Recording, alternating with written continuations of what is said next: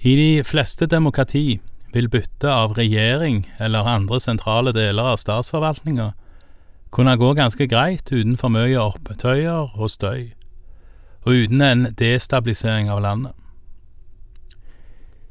Gjennom gjennomgangen av Israels historie som monarki har vi allerede flere ganger hørt om overganger mellom en konge til en annen som har vært så belastende for landet at fiender har kunnet utnytte det. Borgerkrigen som førte til delingen mellom Juda, eller Sørriket, og Israel, og kalt Nordriket, kan stå som eksempel på hvor destabilisert et land kan bli når indre uro påvirker det.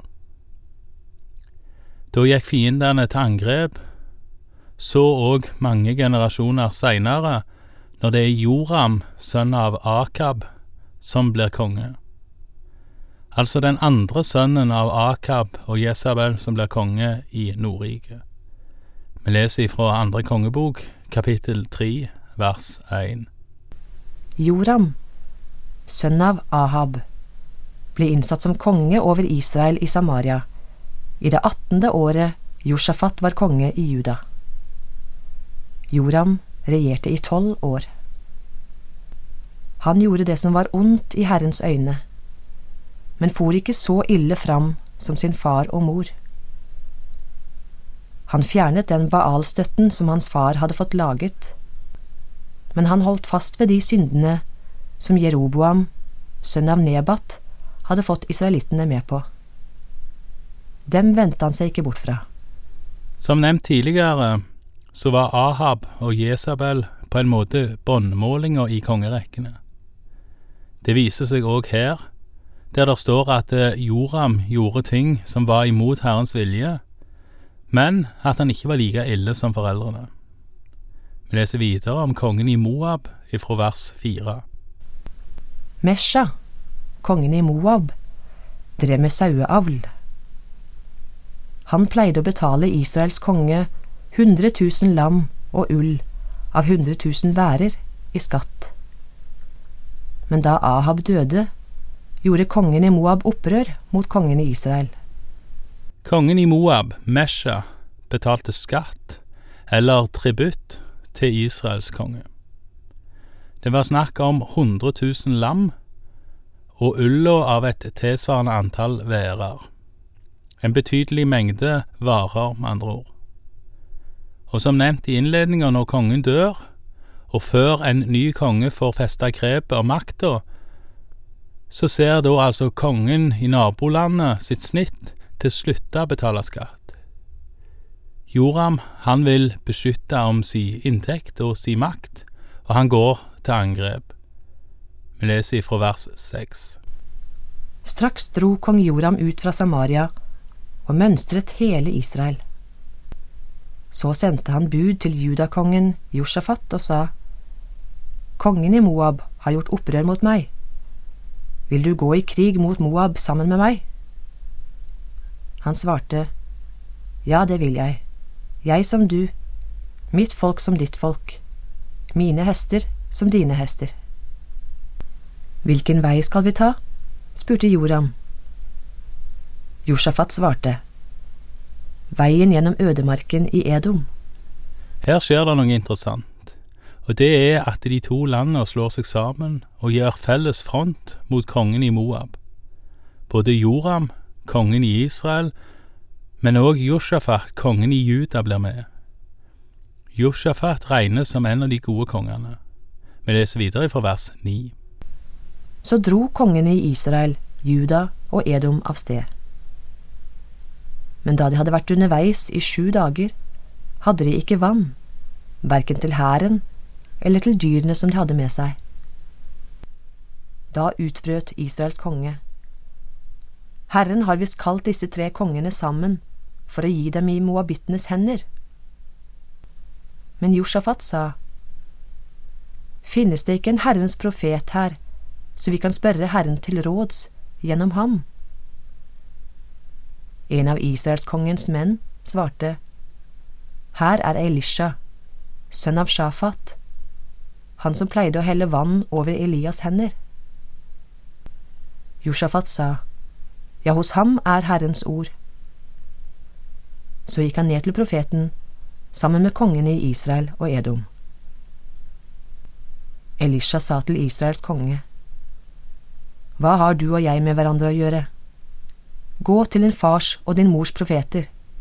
Elisha ber her faktisk kongen om å gå og tilbe avguder. Det kan virke noe rart, men sånn som jeg forstår det, så er det et uttrykk for at Elisha har gitt opp kongen, og da på en måte ber kongen om å være konsekvent. Joram, han gir ikke opp, og han trekker nå fram at det er flere konger i følge, flere å ta hensyn til. Vi leser videre fra andre halvdel av vers 13. Men Israels konge svarte, Nei, det er Herren som har kalt ut disse tre kongene for å gi dem i moabittenes hender.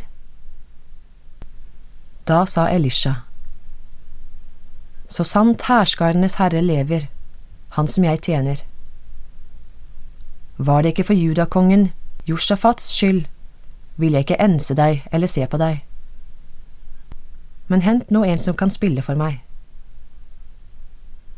Mens han spilte, kom Herrens hånd over Elisha.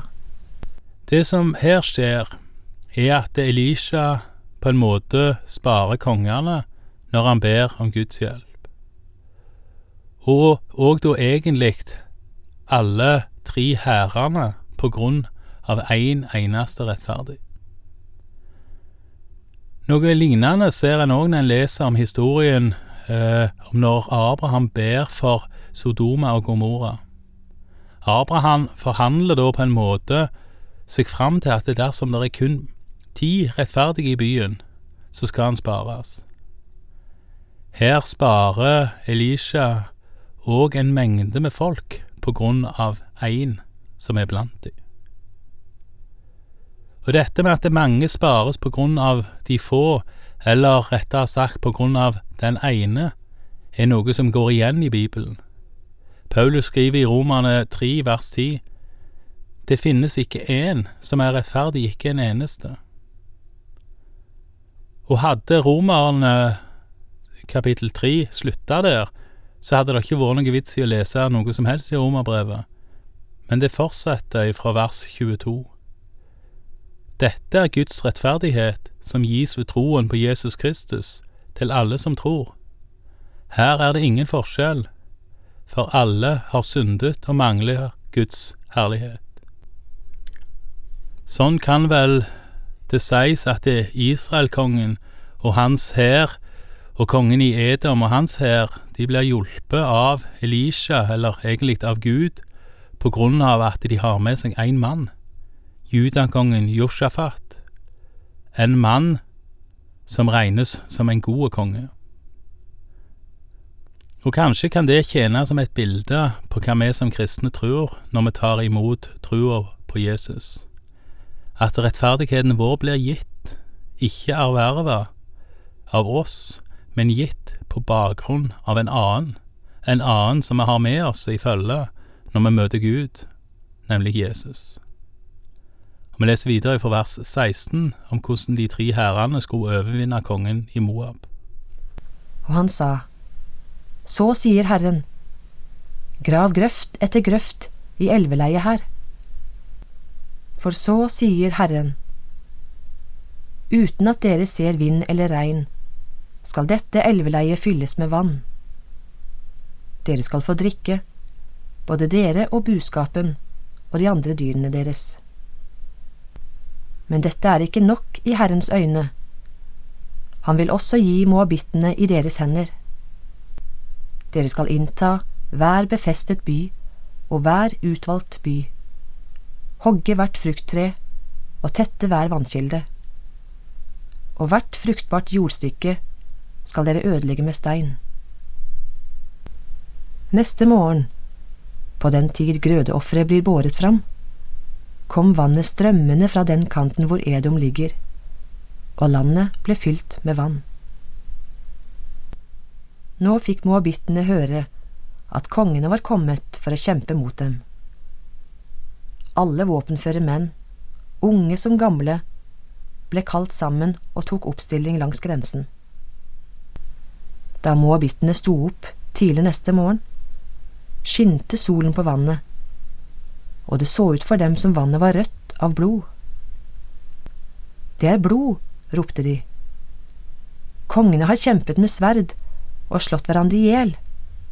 Moabitter, nå skal vi ta bytte. Men da de kom til Israels leir, gjorde israelittene motstand og slo moabittene så de flyktet for dem. Israelittene trengte inn i Moabs land, mens de fortsatte å slå dem ned. Nå rev de ned byene, og hvert fruktbart jordstykke dynget de ned med stein, for hver mann kastet sin stein. Hver vannkilde tettet de igjen, og hvert frukttre hogg de ned. Til slutt sto bare murene igjen i Kirhareset, og slyngekasterne omringet byen og gikk til angrep på den. Da kongen i Moab så at striden ble for hard for ham, tok han med seg 700 våpenføre menn for å bryte igjennom og nå bort til kongen i Edom.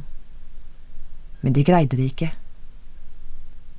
Da tok kongen sin eldste sønn, som skulle bli konge etter ham, og ofret ham som brennoffer på bymuren. Og det kom så stor harme over israelittene at de brøt opp og vendte tilbake til sitt eget land. Det er en veldig tragisk ende som her beskrives. Og det har allerede på den tida som dette hendte, vært en langvarig strid mellom moabittene og israelittene. Både fordi moabittene ikke hjalp israelittene de kom fra Egypt, men òg fordi de ikke tilba samme gud.